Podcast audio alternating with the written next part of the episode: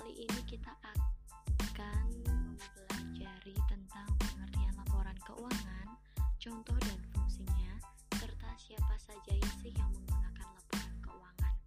Nah, buat kalian yang lagi belajar tentang laporan keuangan sangat penting banget nih.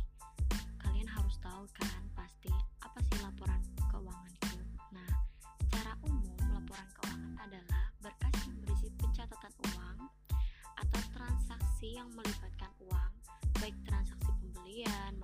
penjualan dan kredit. Biasanya laporan keuangan ini dibuat dalam periode tertentu sesuai dengan kebijakan dari perusahaan. Mungkin sebulan sekali, satu tahun sekali, atau bahkan juga perusahaan menggunakan sistem keduanya. Laporan keuangan ini dibuat agar perusahaan mengetahui kondisi finansialnya, sehingga pihak atasan bisa mengevaluasi dengan tepat jika kondisi keuangan usaha mengalami masalah. Nah, maka dari itu, laporan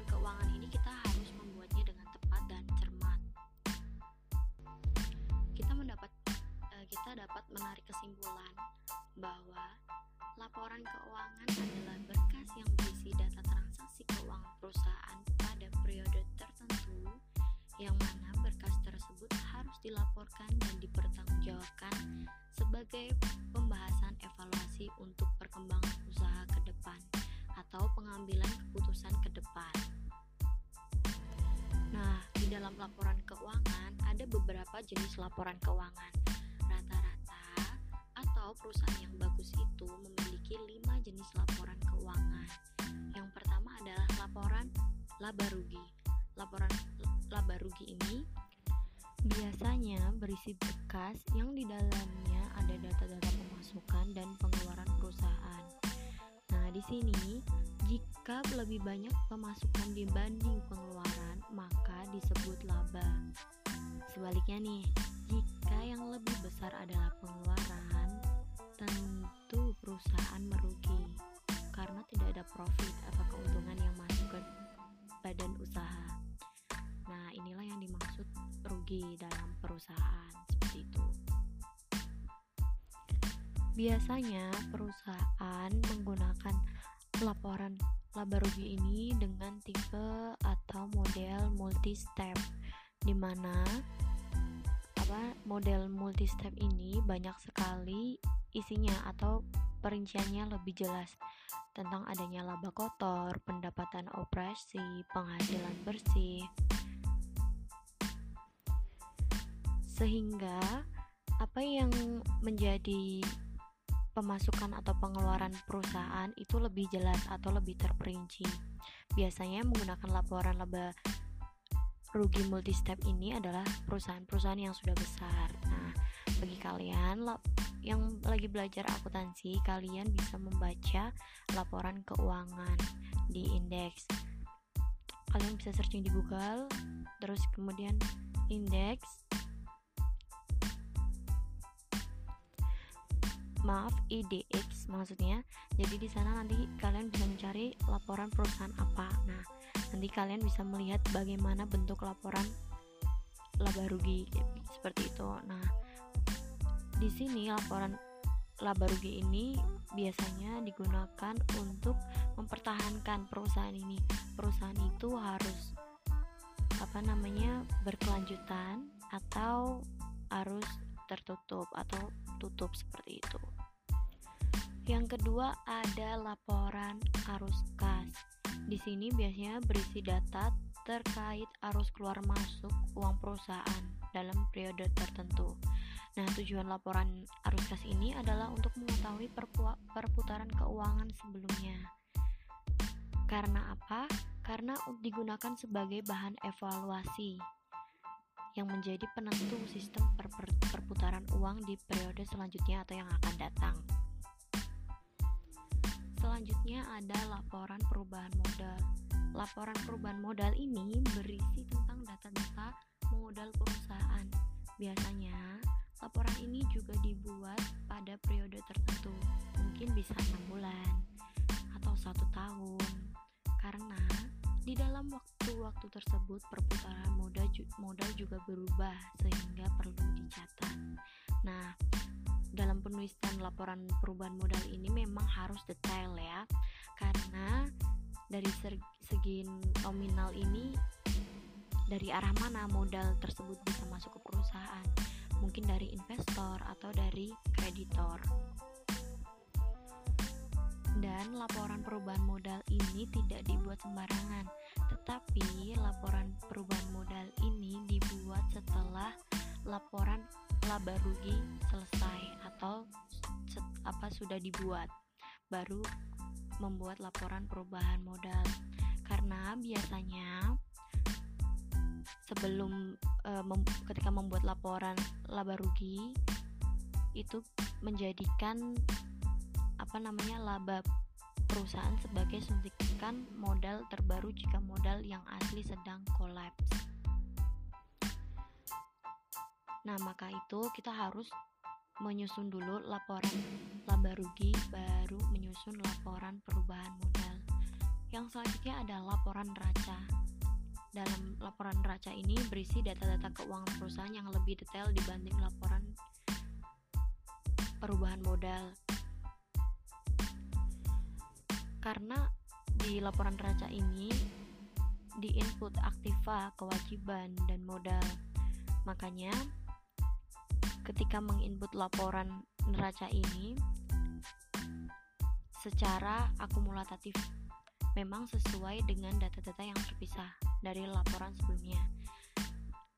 Dan data nominal uang di laporan neraca tidak boleh selisih sepeser pun karena sebagai patokan laporan laporan keuangan. Apabila terjadi selisih, berarti ada yang salah dan harus diubah. Nah, tapi apabila uh, atau apabila tidak direferen, direvisi akan terjadi ambiguitas ketika membaca semua laporan keuangan perusahaan. Yang kelima atau yang terakhir ini adalah catatan atas laporan keuangan di, di mana di sini ada informasi tambahan yang membantu menjelaskan bagaimana perusahaan sampai pada angka laporan keuangannya. Biasanya catatan ini sangat membantu menjelaskan penyimpangan atau anggapan inkonsistensi dalam metodologi akun tahun ke tahun. Sebenarnya laporan cacat laporan keuangan catatan atas laporan keuangan ini memang tidak begitu penting atau tidak maaf tidak begitu wajib tetapi informasi yang termasuk di dalam catatan atas laporan keuangan ini sering kali penting karena dapat mengungkapkan masalah mendasar terhadap kesehatan keuangan perusahaan. Nah, selanjutnya kita akan membahas tentang fungsi laporan keuangan. Fungsi laporan keuangan ini ada tiga. Satu untuk menilai kondisi usaha di mana laporan keuangan ini agar bisa mengetahui kondisi usahanya sedang berkembang atau meng, apa menghasilkan profit atau menghasilkan laba kan seperti itu.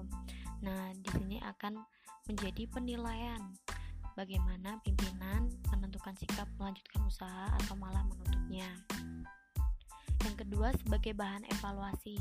Nah, di sini apabila usaha dalam perusahaan itu menurun atau tidak profit atau merugi, maka pembinaan atau perusahaan dapat menganalisis kenapa penyebab kerugian, kemudian kenapa e, bisa merugi atau bahkan bisa profit seperti itu. Nah, bagaimana cara menyelesaikan kerugian tersebut atau bagaimana untuk meningkatkan kualitas atau meningkatkan laba perusahaan. Yang ketiga sebagai bentuk pertanggungjawaban perusahaan. Nah, ini adalah biasanya untuk e, pertanggungjawaban perusahaan kepada investor atau pemerintah bisa dikatakan untuk sebagai pertanggungjawaban pihak di dalam perusahaan atau pihak di, di luar perusahaan. Selanjutnya, nah ini akan kita membahas tentang pihak pihak-pihak yang membutuhkan laporan akuntansi. Yang pertama, pemilik perusahaan, kedua kreditur, yang ketiga investor, yang keempat manajemen, yang kelima direktorat jenderal pajak, yang keenam karyawan, yang ketujuh pelanggan. Nah, mereka itu membutuhkan laporan untuk apa sih? Biasanya kalau untuk investor itu sebagai menarik atau melirik agar ada pertambahan modal.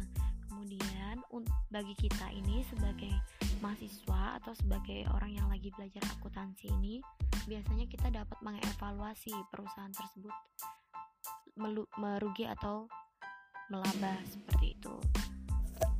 Atau bahkan kita juga lebih tahu bagaimana susunan laporan keuangan pada perusahaan tersebut sehingga kita dapat mengetahui bagaimana cara menyusun laporan yang baik dan benar. Kesimpulannya adalah laporan keuangan bisa dianalogikan sebagai rapot untuk perusahaan. Di dalamnya berisi seluruh data terkait keuangan bisnis secara menyeluruh sehingga bisa mengetahui kesehatan keuangan perusahaan dengan baik. Nah, seluruh laporan ini pun bisa membuat perencanaan bisnis yang lebih matang dikarenakan bisa melakukan improvisasi berdasarkan data faktual pada laporan tersebut. Maka dari itu, kita yang lagi belajar akuntansi, kita memang benar-benar harus mengetahui bagaimana cara penyusunan laporan keuangan. Karena ketika kita menjadi, bekerja menjadi bagian akuntansi, kita memang harus lebih jeli dan cermat dalam penyusunan laporan keuangan agar perusahaan dapat menganalisa dengan tepat dan benar bagaimana perusahaan harus dikembangkan. Nah, sekian dulu ini pembahasan dari aku tentang laporan keuangan. Semoga bermanfaat. Terima kasih.